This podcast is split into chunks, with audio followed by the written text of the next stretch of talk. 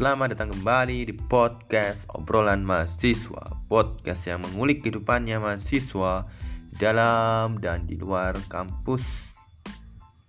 Sudah hampir uh, dua minggu saya tidak melakukan rekaman podcast di obrolan di podcast obrolan mahasiswa. Berhubung ada kesibukan yang lain yang tidak dapat saya tinggalkan Akhirnya saya memutuskan untuk tidak melakukan rekaman podcast Meskipun terkadang rekaman yang saya lakukan adalah rekaman yang bersifat bersifat mendadak dan juga tidak maksimal dalam melakukan rekaman itu. Uh, untuk episode kali ini, saya ingin membahas sebuah kenyataan yang sebenarnya sering dialami oleh seorang mahasiswa ketika menempuh bangku di bangku kuliah, menempuh perkuliahan di bangku kuliah tentu kita ten pernah ya bukan pernah sih kita sering melihat ada teman-teman kita yang menjadi perantauan. Dia datang dari luar pulau luar provinsi hanya untuk menimba ilmu di kota kita. Tentu kita sering mengalami hal-hal seperti itu. Untuk kali ini episode yang akan saya berikan sedikit beda dibandingkan episode-episode sebelumnya. Kalau episode sebelumnya saya memenuhi pure dari subjektivitas saya untuk episode untuk episode kali ini saya akan mengambil contoh dan juga membandingkan referensi yang sudah saya baca yaitu buku Anak Rantau dari karangan Arif Adi. Ahmad Adi maaf Ahmad Arif Adi Ahmad Adi Anak Rantau jadi ketika kita nanti membahas segala hal yang berbau dengan perantauan itu kan memang sangat menarik ya, sangat menarik sekali. Kita membahas pada saat kita pergi ke daerah yang sangat jauh dari rumah, pasti kita sangat menarik. Sebab pasti kita akan memperoleh pengalaman yang tidak dapat kita dapatkan ketika kita berada di rumah sendiri. Uh, salah satu yang membahas novel berjudul Anak Rantau, novel ini menceritakan sebuah perjalanan hidup yang dialami oleh seorang anak yang bernama Happy. Ia adalah anak yang masih duduk di bangku SMP. Ia sejak kecil sudah hidup tanpa kasih sayang seorang ibu Ibunya meninggal dunia. Ia hidup bersama ayahnya yang bernama Martias dan kakaknya yang bernama Dora. Ini, ini adalah kasus yang dialami oleh Happy. Jadi di buku ini ngambil contoh Happy. Happy adalah anak SMP. Dia sejak SMP sudah ditinggal mati oleh ibunya. Dia hidup bersama ayah dan kakaknya. Untuk melanjutkan bangku sekolahnya, Happy ini dikirim ke daerah neneknya yang berada di Sumatera Barat. Nah, pada kasus bagi seorang mahasiswa tentu banyak sekali yang mengalami seperti ini, meskipun tidak sama persis kejadian seperti yang dialami oleh Happy pada buku anak rantau.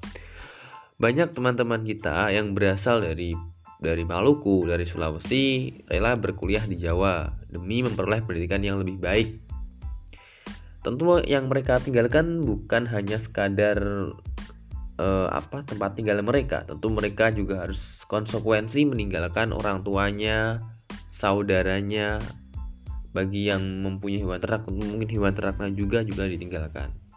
Itulah ketika menjadi mahasiswa perantauan. Jadi di buku ini dikisahkan Happy itu adalah anak yang bandel sekali.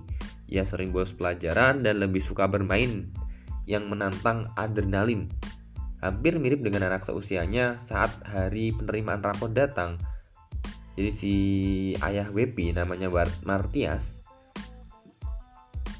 itu mengambil rapotnya karena ibunya kan sudah meninggal jadi pasti ayahnya. Martias selalu terkejut ketika melihat rapot sang anak itu kosong. Setelah kejadian itu, Martias memutuskan untuk pulang kampung bersama anaknya ke Happy ke daerah asalnya yaitu Minang atau Sumatera Barat alasannya di buku ini? Jadi alasannya dijelaskan kenapa Happy itu disekolahkan di Sumatera Barat tidak di Jawa. Padahal sejak TK sampai SD itu disekolahkan di Jakarta di Pulau Jawa. Alasannya adalah ini anak ini bandel sekali anak ini bandel sekali tidak bisa nurut tidak pernah masuk kelas bandel sekali anak ini.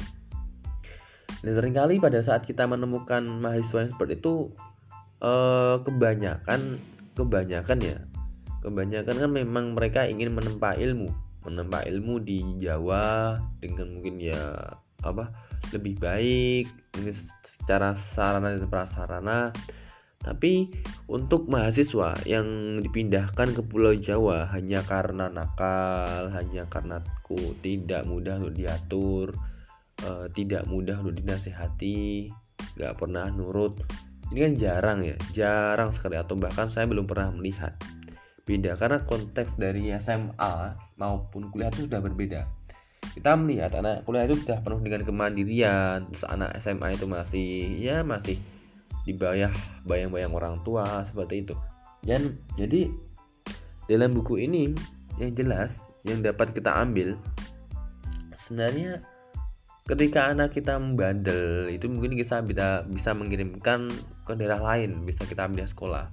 Siapa tahu anak itu memang membutuhkan suasana yang baru atau mungkin karena ya ada faktor yang lain ada faktor keluarga dan faktor ekonomi yang membuat mereka jenuh yang membuat mereka merasa kesal sehingga tidak nyaman berada di tempat tinggal yang asli di, di, di tempat tinggal yang semula. Uh, jadi dikisahkan ini si Happy ini senang karena keinginannya pulang kampung itu terwujud mereka berdua tinggal bersama ayah dan ibu Martias Datuk Marajo dan Nenek Salisah. Kedua Manula sudah rindu dengan anak dan cucunya. Namun Martias hanya tinggal beberapa minggu di kampung tersebut. Setelah itu Martias beranjak lagi ke Jakarta untuk merantau. Happy disuruh tinggal di kampung agar ya sekolah di kampung saja sebagai konsekuensi atas rapotnya yang kosong. Jadi si Happy ini dalam buku anak rantau alasan yang jelas mengapa dia itu sampai dipindahkan untuk bersekolah di di ranah Minang di Sumatera Barat. Adalah alasannya karena sulit diatur dan rapotnya selalu kosong. Alasannya sesimpel itu. Kalau bangku kelas apakah kita pernah melihat? Tidak pernah. Saya pikir tidak pernah menemukan hal-hal seperti ini. Pasti mereka orang tua sudah menganggap ya sudah dewasa ya sudah tahu mana yang salah dan mana yang benar. Saya pikir sudah begitu. Tidak pernah memaksakan jadi kasus-kasus seperti ini bisa kita bisa kita apa bisa kita bandingkan dengan realita yang dialami seorang mahasiswa.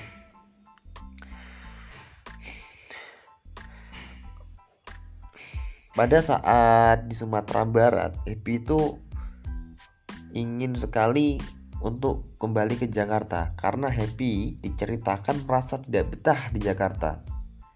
Dia merasa tidak nyaman di Jakarta, maksudnya di di Sumatera Barat. Akhirnya untuk untuk mencari tiket untuk membeli tiket itu memerlukan biaya yang besar. Biaya yang tidak murah. Demi mem, demi mencapai tujuannya itu happy rela membagi waktunya untuk bekerja di dalam buku diceritakan dia tuh sempat bekerja di Mak Tuaros terus juga apa terus juga apa dia tuh dia juga sering pindah rumah. Tidak hanya tinggal di Matuaro saja tapi Happy juga tinggal di apa di musola. Jadi yang namanya kalau di di apa di Sumatera Barat itu namanya bukan musola ya kalau kita sering mendengar sering mendengar sering mendengar bahasa-bahasa itu ya. Kalau di san kalau di ranah Minang itu bukan bukan musola namanya ya. Sebentar ini masih saya cari saya lupa namanya apa teman-teman untuk nama dari musola itu di ranah Minang. Sebentar nah, oh surau. Iya surau. Jadi kalau di Minang itu namanya surau. Musola itu namanya surau bahasa yang familiar. Nah. Itu. Dan ini ending dari si si siapa ini? Si happy. Ketika dia berada di di apa? Di Sumatera Barat endingnya adalah dia itu tidak dia itu selamat dia selamat di akhir cerita diceritakan Happy itu sempat tertangkap ia sedang memburu sedang memata-matai para gembong narkoba.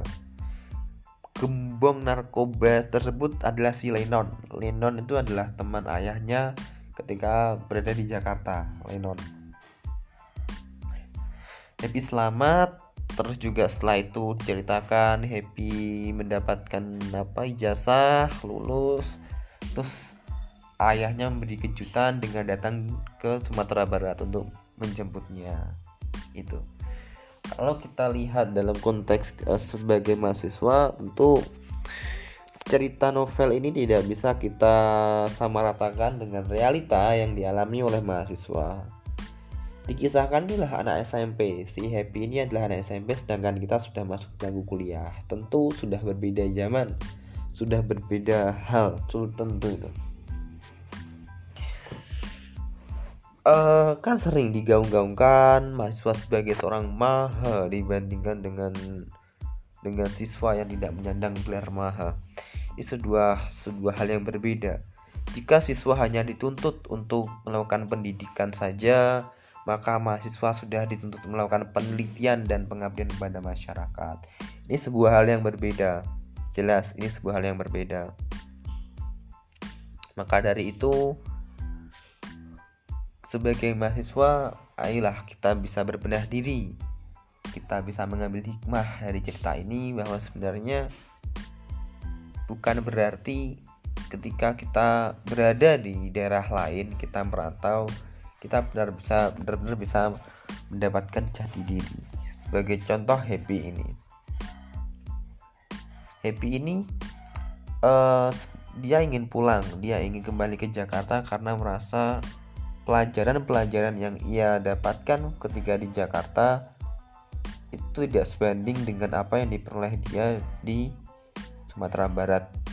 Yang dia peroleh di Jakarta itu lebih lebih apa lebih maju daripada yang ada di Sumatera Barat. Jadi kita bisa belajar seperti ini hal seperti ini.